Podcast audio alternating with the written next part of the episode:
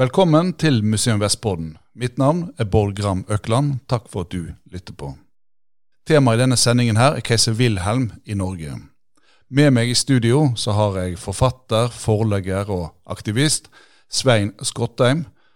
Han er òg tidligere eh, partisekretær i SF. Men eh, grunnen til at han er her i dag, er fordi at han har skrevet en bok, 'Keiser Wilhelm i Norge', altså, som kom ut i 2011. Du har òg utgitt andre bøker. I 2013 så ga du ut bok om klimapolitikk sammen med politiker Bente Bakke. Og Litt av bakgrunnen for denne podkasten er at Bergen Sjøfartsmuseum har laget en, i år en utstilling om cruisebyen Bergen, der keiser Wilhelm hadde jo òg påvirkningskraft for å gjøre Norge og Vestlandet til et turistmål. Keiser Wilhelm, hvem, kan du si litt om eh, hans person? Ja, han eh, var jo da, som du sa, keiser i Tyskland. og Det ble han 29 år gammel etter at faren døde bare noen måneder etter at han var blitt keiser, så han måtte overta i, på kort varsel, så å si. Og han ble jo sin tids medieyndling. Bare den sensasjonen at en 29 år gammel person sitter som eh, øverste statsoverhode i Tyskland, som var et helt nytt land. Altså I 1871 så dukket det jo opp som et helt nytt forent land, med Bismarck som kansler. Og det var en voldsom vekst, en voldsom sterk posisjon i Europa. Og han var da leder, statsoverhode for dette landet. Så det var en, en sensasjon. Så hadde han jo veldig nær kontakt med den engelske kongehus. Han var dronning Victorias første barnebarn. Og eh, han var en folkelig fyr. Han, som sagt, så, som kjent så reiste han jo mange ganger til Norge, hele 23 ganger. Men han reiste rundt i Tyskland og i, i mange land. Historikere har regnet ut at han bare var en tredjedel av sin regjeringstid i Berlin og Potsdam. Og i Norge så var han til sammen to år. ja. Og øh, han øh, hva, hva, rolle spilte han på en måte i Tyskland? Han begynte jo som en øh, sensasjon og en mektig person. Altså Det første han gjorde, var jo å sparke Bismarck. Fordi at han ville regjere sjøl. Og han fikk en veldig sterk posisjon utover i 1890-årene. Men han gjorde det jo vanskeligere og vanskeligere for seg, sånn at fra 1906-1907 så er han veldig redusert. Og fra 1908-1909 så er han mer og mindre ute av all, all maktspill og alt som er, som er regjeringsmakt i Tyskland. Mm. Han var jo òg keiser under første verdenskrig. og uh, Hvordan gikk det med han da? Ja, han uh, fikk jo i utgangspunktet skylden for hele krigen, fordi han var så uh, sleivete med uttalelser og truende og sa mye rart. Som Churchill sa, altså han oppførte seg som en turist i et ammunisjonslager med en fyrstikkeske. Så, men det, det, historikerne dømmer han ikke sånn i dag. Altså det, det er ingen som legger skylden på han. Og det er vel egentlig ingen som legger skyld på Tyskland heller, for første verdenskrig. Men han var jo keiser, og han utpekte jo øverstkommanderende. Det var en funksjon han hadde. Så når Moltke sviktet da allerede i 1914, så var det han som utpekte nye. Men eh, han hadde ingen innflytelse på, på, noen ting. Han, som han sier, jeg drikker min kaffe og går mine turer. og har ingen innflytelse på noe som helst. Og på slutten da så måtte han jo abdisere. 9.11.1918 så måtte han abdisere og flykte hals over hodet til Nederland for enten ikke å bli tatt til fange eller bli lynsjet, eller at det oppsto mytterier osv. Så, videre. så det endte jo i forferdelse. Ja, og Da levde han resten av livet sitt i, i Nederland? Eller? Ja, utenfor uh, Amsterdam. En, en slott som heter Dorn, som han fikk av den nederlandske dronningen. Og Han bodde der til han døde i 1941, da, som en gammel mann. Men han ville ikke ha noen ting med Adolf Hitler og nazistene å gjøre. Så det, der holdt han sin sti ren.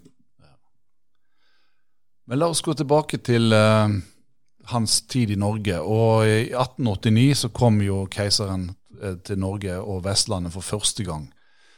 Hvilken, hvilken reise var det? Ja, han var jo blitt keiser året før, i 1888. og han har sagt Noe av det første han gjorde, var jo å dra til Norge med keiserskipet Hohenzollern. Og Bakgrunnen for det var bl.a. at faren, som døde da, hadde vært her og fortalte begeistret fra, fra Norge, breer og reinsdyr osv. Og, så og han hadde også forlest seg, holdt jeg på å si, med, av Fridtjof Saga, kunne den faktisk på norrønt og store deler av han på norsk, uten at han kanskje skjønte så mye av det sjøl. Men han, eh, han var veld, veldig begeistret for, for, den norrøne og den germanske, som de kalte det da, fortiden vår. Så, og så hadde han vært på en maleriutstilling året før og sett et fantastisk maleri av Digermulen i Lofoten. Så formålet med reisen var faktisk å komme til Digermulen. Og der kom, kom de òg. Og så var, var, ikke de innom Norheimsund på veien òg?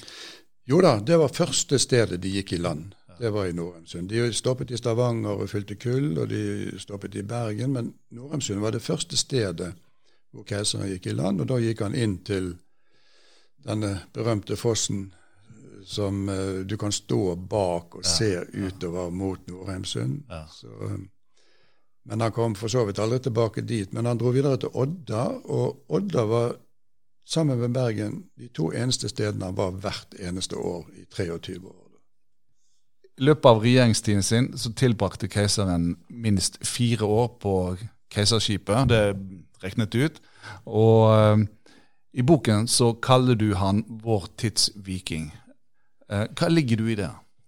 Ja, altså, Det som var bakgrunnen for disse reisene, det var jo selvfølgelig norsk natur og fjord og fjell og alt dette. Men det var egentlig en, en propagandareise. Altså det var en De tilhørte en, en, klasse, en adelsklasse, som var på rask historisk nedtur når Tyskland gikk over fra føydalsamfunn til industrisamfunn. Og denne gamle adelsklassen de hadde i grunnen bare én institusjon igjen, og det var keiserdømmet. Og For å opprettholde det så drev de en propagandakrig som bestod av fire deler, og tre av de har med Norge å gjøre. Det første var at de viste til Hohenzollerns 500 eh, års historie som konger i Prøysen, da, som var den største dels, delstaten i det nye landet. To tredjedeler av befolkningen og to tredjedeler av arealet. Så det var det ene. Men de tre andre det gjaldt å besøke nordgermanerne, altså knytte seg an til de gamle germanske stammer og de germanske historier. Og Norge og nordmennene, det var de minst det var de mest rene germanere. For det har vært lite innvandring, og de kunne føre sine linjer helt tilbake til, til årtuseners historie som germanere. Mm. Så det var det andre. Og det tredje det var jo dette med pomp og prakt og, og keiserskip og vanvittig luksus og store fester og ball i Bergen og Balestrand og overalt. Og møte befolkningen og, og gi milde gaver til portåpnere og hjulreparatører osv. osv. Men til ditt spørsmål hvorfor han kalles vår, hvorfor han ville kalle seg sjøl vår tids viking og vikinghelt, det var at i den ville norske natur, med breer og fjorder og hav, med hval og farer overalt, så kunne han vise mannsmot, og han kunne vise fysisk styrke. Havet Han var med på hvalfangst. Dristig og farlig, det de holdt på med. Og de var på brede besøk. både datt ned store isblokker. Han rikket seg ikke en centimeter fordi at uh, han skulle ha den store ro. Og det var også den store mann, den store leder for en stor nasjon, som fant roen i den store natur. Så det var å leve seg tilbake til den norrøne tiden og bruke det i en propaganda for keiserdømmet i Tyskland. Så det ble på en måte Norge på en måte et slags speilbilde på en måte der overklassen, den tyske overklassen kunne vise seg sjøl fram i Tyskland, på en måte? Ja. Og det må jo vært, også altså Det som tyskeren, altså det som jeg mener, keiseren foretar seg, på en måte, det må jo blitt rapportert ned til Tyskland ganske effektivt? da? Ja da, og det, det gikk meldinger, og det ble reportasjer og bilder over hele verden. I USA, og i alle europeiske land, til og med i Kina, og Japan finner vi bilder fra disse reisene og reportasjer. Det var kunstnere med som laget malerier, og når de kom hjem, holdt utstillinger. Det ble sendt uh, telex uh, kontinuerlig. Så det var en del av propagandaen. Og, så det var jo en veldig norgesreklame, da, selvfølgelig. Og, livet om bord på den keiserlige yachten i de norske fjordene, da. Så hvordan, hva tenker du? Hvordan arter på en måte det seg? Nei, det var jo et liv i sus og dus, og uh, de var jo bare menn. Ja. Og adelsmenn. Og uh, halvparten av de var homofile. En del var kunstnere. Og de levde sitt eget liv. Aldri noe damer eller noe utskeielser i, i, noen som helst retning. Men de, de festet og, og, og laget forestillinger med sine egne folk som laget eh, teaterstykker, malte osv. Og, og i land så arrangerte de disse berømte ballene og festene. Da, som det høres jo litt som en guttetur, det er det du forteller om her. Det er en, det er en guttetur som, uh, som uh, var nokså isolert. da. Og, men de var populære. altså Keiseren var en populær mann i Norge. Ja. Overalt. Og jeg har jo reist fra Nordkapp til Kristiansand. Besøkt over 40 steder han har vært uh, i land. Og overalt så finner du bare positive, morsomme, gode historier. Så han var en folkelig person som var godt likt. Mm. Men, men, familien også, Han hadde jo en stor familie, vil jeg tro. Men, men, men var de på noe som helst måte med, måte med, eller var han med andre? Nei, han, keiser Wilhelm var ingen familiemann. Han hadde seks sønner, og keiserinnen var med én tur. Ingen av de var med. Keiserinnen var med én tur, og som hun sa når hun kom tilbake, aldri mer. Dette var så sært. Og, så det var en guttetur, som du helt riktig sier. Men, men du nevnte at det var eh, ganske mange homofile eller skeive med på, eh, på, på eh, keiseryachten. Var, var det noe på en måte tema, på en måte? Eller var det noe Nei. man snakket om? Nei, det var, det var høyst Det var jo forbudt kriminelt. Altså En av de ble jo avslørt, en Oilenborg, som var hans nærmeste venn og nærmeste fortrolige. Han ble avslørt og ble ribbet for alt som het ordener og titler, og satt i fengsel. og Selv om han hadde syv eller åtte barn og hva som helst, så fikk han en knallhard dom fordi han ble avslørt. da. Men keiser Wilhelm hadde aldri noen partner, eller det er noe tegn på at han var direkte homofil. Fordi at en partner ville, Han ville aldri greid å skjule en partner. Så det er helt utenkelig. Jeg, går ut fra at det, må jo finnes noe brev og så, så Hva er på en måte kildene, tenker jeg, også, på, på, på, livet på yachten og disse reisene? her? Er, er det brev eller hva, dagbøker, eller? Ja, det er jo veldig mange skipsdokumenter fra, fra hva som skjer om bord. Og det er, det er, telegrammer, og det er, det er depesjer, altså beslutninger, kommunikasjon. Han hadde jo 60 eller 70 personer med som skulle støtte opp under hans rolle som, som keiser. Så eh, det er en voldsom dokumentsamling. Og der er én, en professor Røhl, som liksom er guruen på dette, som har tilgang til alle disse originaldokumentene. Oi, ja. Så eh, det er et rikt kildemateriale, også i Norge. Du har snakket litt om hva, hva som lokket med Norge, hva som gjorde Norge attraktivt for, for keiseren. Um, og han, hva, hva, var det som på en måte gjorde at han kom tilbake så mange ganger? på en måte, at Det, det var ikke nok med én tur, men det var liksom om igjen og om igjen? Ja, så Det er jo en kombinasjon selvfølgelig av natur, vakker natur, sånn som de fleste turister og, og utlendinger liker med Norge. Men man kommer ikke tilbake 23 ganger bare pga. natur. Så det er denne Altså, Norge ble en, en scene, en, et, et, speilbilde, som du sier, på, på, noe som kunne brukes på en veldig viktig måte for de i Tyskland. Mm. Så eh, når han gir denne statuen, Fridtjof-statuen i, i Vik eh, i, Sognefjorden, så er jo ikke det en gave til Norge. Det er en, og Denne statuen ligner jo ikke en norrøn person eller soldat eller kriger på noen som helst måte. Det er en gave fra keiser Wilhelm til keiser Wilhelm på den måten at det kan brukes i propagandaen som, den, som en del av den germanske kultur. Det er jo en veldig berømt uh, statue i Jeg tror den heter Detmold-statuen. Herm, Herman-statuen ja, i Detmold. Den er dobbelt så høy som Fridtjof-statuen. Det er en germansk kriger på 600-700-tallet, 500-600-tallet, som kriget mot romerne. Og han er liksom eh, urfaren til eh, denne kulturen her, da.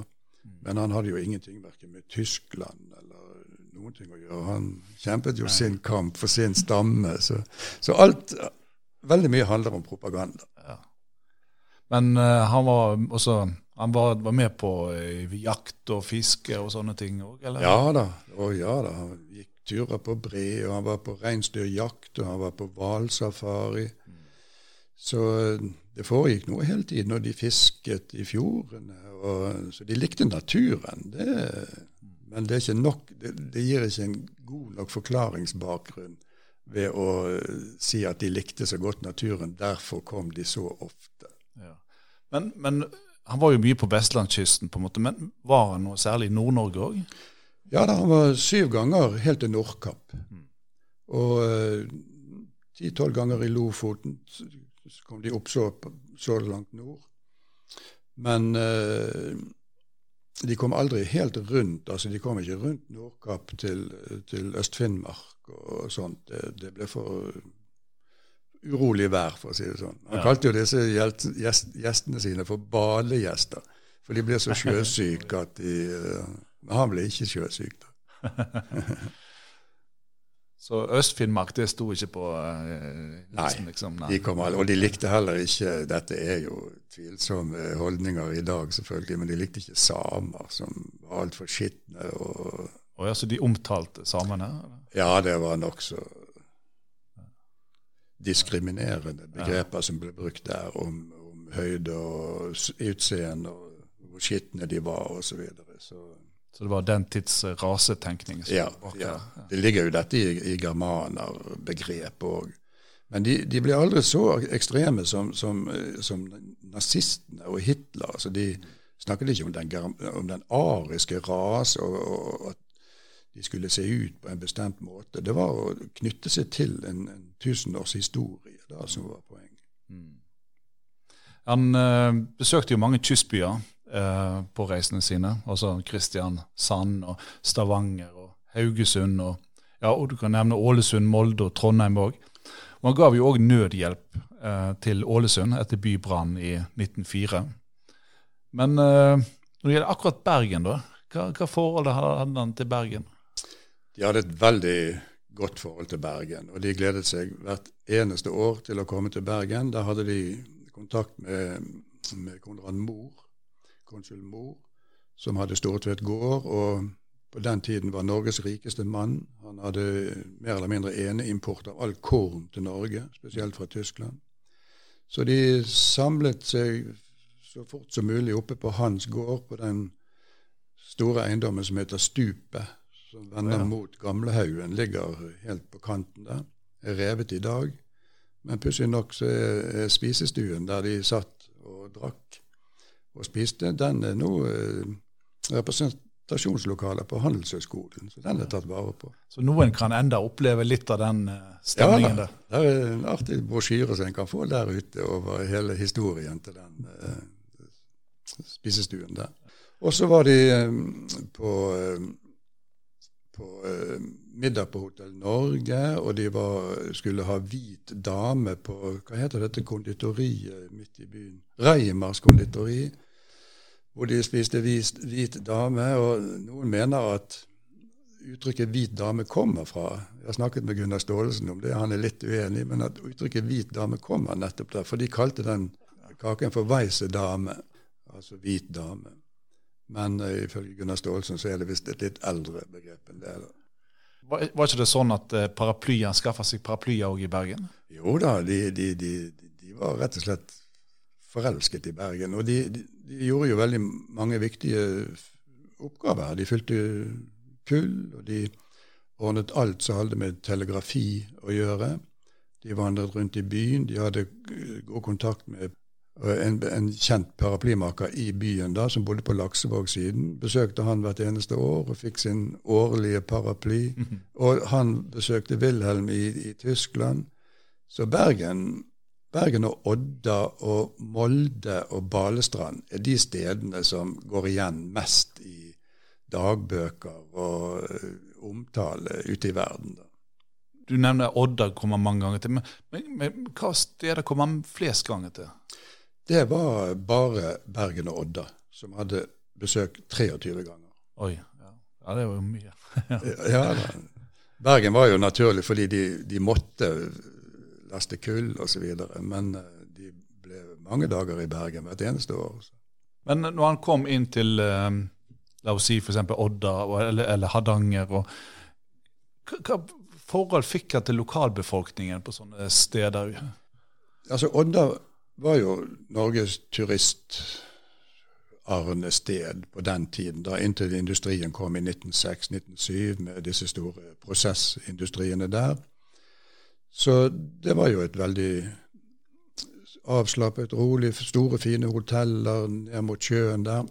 Og Wilhelm hadde et godt rykte i Norge, bl.a. fordi at grunnen til at han sparket eller, eller kvittet seg med Bismarck, var en krangel om disse såkalte arbeiderlovene, som skulle sikre en viss alderstrygd, som skulle sikre en viss syketrygd, regulere arbeidstiden, fri om søndagen osv. Og, og Bismarck mente at keiser Wilhelm gikk altfor langt. Og i Norge så var jo arbeiderbevegelsen i voldsom vekst fra 1890-årene, og Arbeiderpartiet ble stiftet. Det samme gjaldt jo i Sverige og Danmark. Så det het seg at han var liksom arbeidernes mann. Han var en, en liberal, noe han overhodet ikke var da. Jeg har aldri snakket med en arbeider. Men, men han ga inntrykk iallfall? Han fikk det inntrykket, ja. Så han var veldig populær i arbeiderbevegelsen. Og når de var i Oslo, så var det stor uh, oppslutning fra uh, arbeiderbevegelsen, for de ville møte han osv. Så, videre.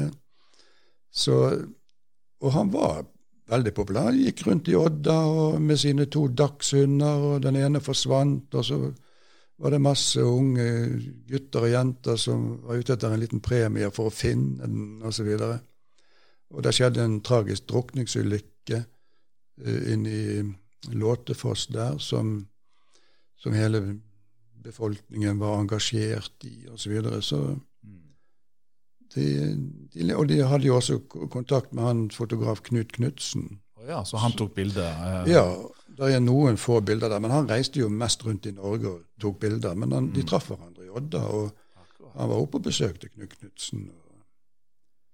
Så nei, de var populære. Og så, vet jeg i boken din eh, om keiser Wilhelm i Norge, så nevner du eh, en historie om en jordbærselger.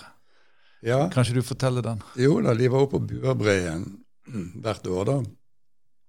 Og på vei ned så står jo bønder og selger jordbær og det de kan få solgt til keiserfølget. Og en bonde han solgte en kurv til Wilhelm. da. Og Wilhelm betalte med en, en tyvemark i rent gull for denne korgen. Og bonden skjønte jo ikke hva verdi dette var. Så han ble nå stående og vente litt, og så spurte Wilhelm eh, hvorfor han sto og ventet. Jo, han ville gjerne ha korgen igjen, sa han, så når han var ferdig. Så, eh, og det, det, var jo sånn ja. historie på hvordan de så på nordmenn som nøkterne, selvstendige eh, og ikke kuet på noen måte. Altså Å si noe sånt til keiseren, det ville jo vært utenkelig i Tyskland. En los sto og telte opp en pengebunke han hadde fått for jobben, i keiserens påhør, med påsyn. Og eh, keiseren reagerte og spurte hva dette var for noe, og ble fortalt da at han skulle bare sjekke at han ikke hadde fått for mye. Og da ble det jo vill begeistring. Så dette passet fint inn i bildet av disse germanerne i nord. Eh, det, det, må jo, det, må jo, være eh, en del gjenstander tenker jeg, rundt omkring i norske hjem eh, som har en forbindelse med keiseren, gaver og sånne ting. Har du kommet over noe sånt i forbindelse med boken din? Ja da. Bl.a. inne i Låtefoss, eh, når den løytnanten ble funnet. da, De fire bøndene som, som fant han i elven lenger nede, da, de fikk hver sin sølvklokke. Og, og det, Dette var en, en i det tyske følget som omkom? Ja, ja. Det var en uh, sønn av en veldig nær venn av keiser Wilhelm, og som hadde vært i krangel med keiser Wilhelm om bord. Så det var mye spekulasjoner om det var selvmord, eller om det faktisk var et mord osv. Men det fikk jo ikke lokalbefolkningen med seg. Men de som fant han, de fikk et flott sølvur. Jeg har stått med et sånt sølvur i hånden. jeg har stått med, med et sverd med inn med juveler og edelsteiner i selve håndtaket. Og, altså han var sånn, Det er jo en del av propagandaen igjen. Altså Den store keiser, den store mann, gir gaver til folket for å vise at han er på folkets side osv. Så Sånne grendagutter som åpnet gren, porter og, og, og grinder Grindagutter heter det vel. De eh, kunne jo få verdier som gullmynt og, og ja, fine ting som, som, de, som er tatt, tatt, vare på i familien. Så det er mye sånt rundt omkring. I hvilken grad vil du si at uh, keiseren åpnet på en måte opp Norge som et sånn turistreisemål for tyskere? Altså Bare en sånn liten detalj at hver gang keiserskipet Det var jo noen flotte moderne, store Hohenzollern 1 og Hohenzollern 2, og spesielt den 2, da, som var et utrolig moderne med ventilasjon, med elektrisk lys. Kunne gå 22 knopp med 13 000 hestekrefter. Når disse keiserskipene møtte tyske cruiseskip, så stoppet de alltid, og keiser Wilhelm gikk om bord og kunne tilbringe timer der og snakke med folk. Og dette ble fortalt og gjengitt selvfølgelig i tyske medier. Og all den, Det var den ene detaljen. Og i tillegg så er det jo selvfølgelig at alle disse reportasjene, alle disse, all den oppmerksomheten i Tyskland fra hans reiser 23 ganger og over en måned hver eneste gang. Det er altså to år bare i Norge du sa han var fire år om bord i, i Keiserskipet, det er riktig, men to av de var i Norge. Men to av de, han dro jo også til Middelhavet og, ja, og rundt omkring. Mm. Og um, dette var jo en voldsom medie, og han var jo en medieyndling selv. Så han er kjent for å være med og danne grunnlaget for den tyske cruiseturismen til Norge. Og um, beste, en av hans beste venner, Berlin, han eide uh, dette rederiet Hamburg, Ameri Hamburg. Mm. Og hadde også flere store cruiseskip. Han var cruisekongen i, i, Tyskland. Så når et år når uh, keiserskipet skulle på overhaling og ikke kunne dra, så stilte han til disposisjon gratis et av sine største cruiseskip. For han så jo at ja, dette var en del av Ja, han så reklamen og, og verdien i alt dette. Så Keiser Wilhelm regnes som en pioner på tysk cruiseturisme og, og, og, generelt turisme til Norge i Tyskland. Det skjedde jo òg en del eh, kan du si, mer dramatiske ting eh, under eh, oppholdene hans. Én ting var vel at krigen brøt ut, også første verdenskrig brøt vel ut når han var her. Stemmer ikke det? Jo da. altså Den første krig, verdenskrig begynte jo i de første augustdagene i 1914. Men 25. juli sitter keiser Wilhelm inne i Balestrand på et, på et, og er med på et ball inne på land. Og er overhodet ikke involvert i de voldsomme hendelsene som da er i gang uh, i Tyskland. Og blir etter hvert informert. Han leser Aftenposten at ting er på gang, og kommer seg omsider av gårde. Men det sier jo noe om hvor mye han var sjaltet ut av alt i 1914. Så fra 1906-1907, som nevnt, så er han utenfor politikk. Så de var bare glad han oppholdt seg i Norge. Men han er faktisk bare noen få dager før krigen bryter ut, så er han i Sognefjorden. Og Vi forbinder jo på en måte sant, skuddene i Sarajevo med, med utbruddet av første verdenskrig. Men uh, i boken din så har du et kapittel som heter 'Skuddene i Sogn'. Og Det gir jo assosiasjoner til Sarajevo. Uh, men hva, kan du fortelle, hva var det som skjedde? Jo, det var i, i 1911. Da var det veldig spent. Altså, Veldig mange historikere mener at krigen, første verdenskrig, kunne like godt begynt i 1911. For det var store kriser i Marokko og, og i kolonisammenheng osv. Wilhelm hadde vært sleivete med sine uttalelser. Så når han kom til Molde, så var det full krise fordi at han hadde jo med seg en flåte på 25 skip, vanlig, som han vanligvis hadde. Men så var det en engelsk flåte på vei inn til Molde samtidig. Og han var også engelsk admiral. Altså Dronning Victoria hadde da utnevnt han 17-18 år gammel som engelsk admiral, sånn proforma.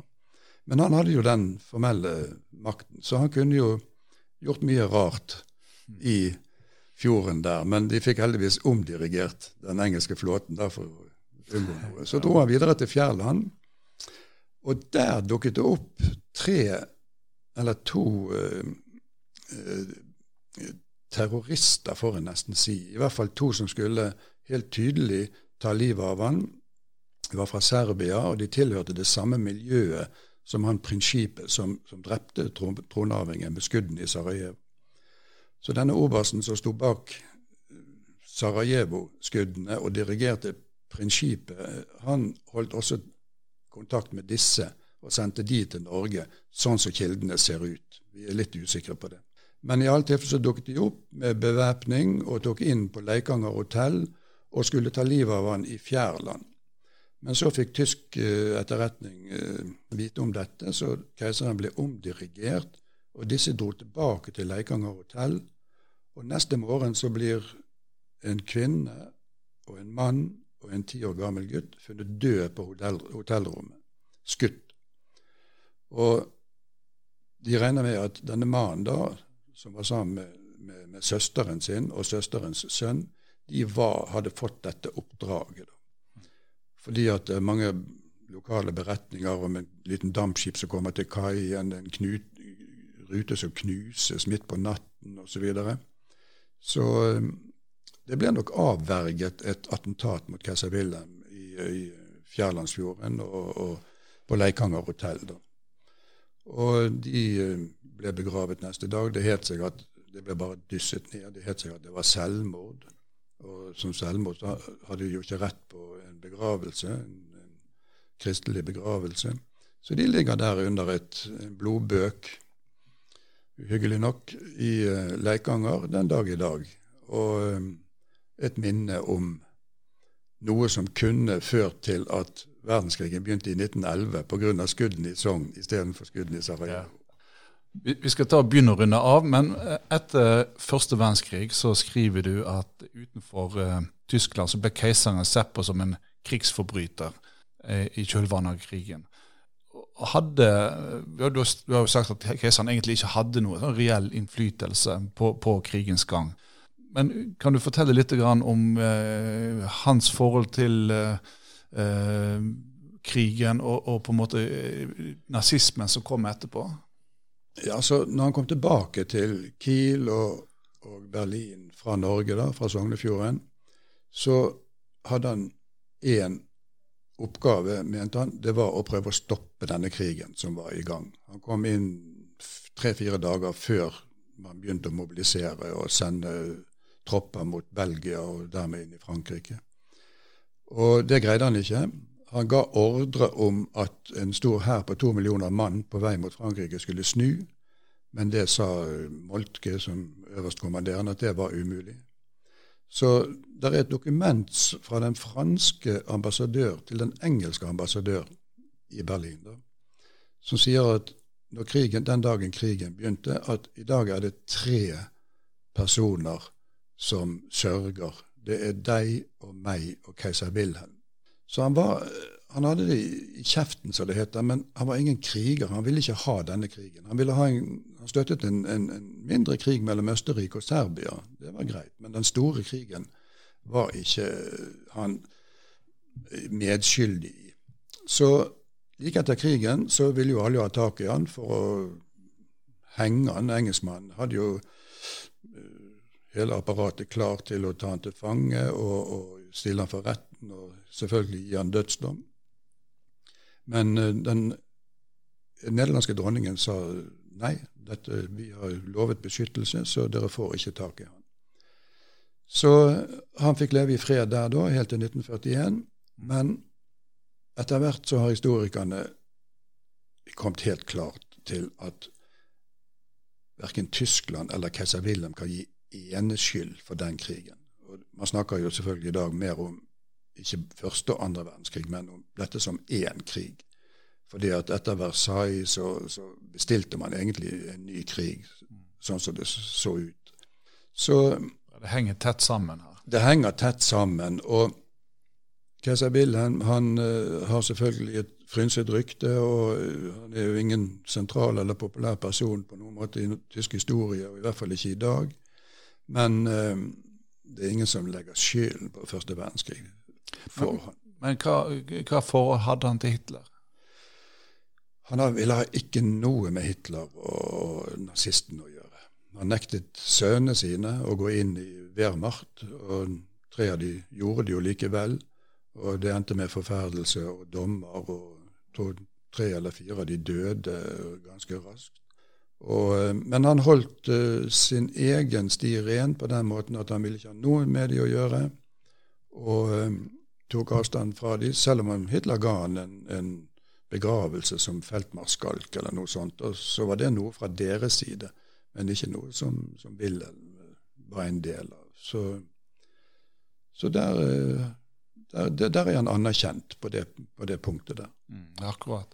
Og du skriver i boken at som statsoverhode eh, og menneske så betraktes keiser Wilhelm nå som en, si, en spesiell eh, historisk overgangsfigur eh, mellom den gamle og den moderne verden. Eh, og hva, hva, ligger du i dette?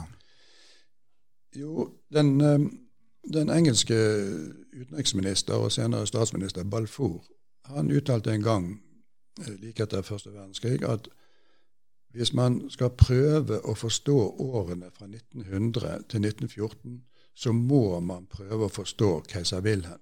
Fordi han var en person med en fot i både den gamle verden og den nye, moderne verden. Altså Han var jo en reaksjonær og en udemokratisk og en adelsmann med sine verdier og holdninger fra sin oppvekst, militaristisk på alle vis. Men han var også en framskrittets mann, en vitenskapsglad mann, en, en som startet mange institusjoner, utdanningsinstitusjoner, forskningssentre i sitt navn osv. Han var veldig opptatt av all moderne teknologi. Så han uh, var en mann som, som hadde en fot i begge leirer. Altså når, når, når første verdenskrig var slutt, så var tre keiserdømmer vekke og det russiske og det Østerrike-Ungarn og det tyske. Tyngdepunktet i økonomien ble flyttet over til USA og over på andre siden av Atlanteren. Det var en voldsom omveltning som skjedde, og keiser Wilhelm er midt i dette, og som sagt med en fot i begge, både den gamle og den nye verden. Så Derfor heter det at han er en, en interessant overgangsfigur i historien på den tiden. Takk til deg, Svein Skottheim, historiker og forfatter bl.a. av boken 'Kresse Wilhelm i Norge'. Den boken, for å sagt det, den er utsolgt fra forlaget, så vidt jeg har skjønt. Stemmer ikke det? Jo, det stemmer. Så uh, da må du vel på biblioteket for å uh, få lest den historien. Men den anbefales. Takk til deg som lytter på òg. Vil du følge Museum Vest-podden, så finner du den bl.a. på Spotify, og der du laster ned uh, podkaster. Du finner oss òg på Museumspodden. På gjensyn.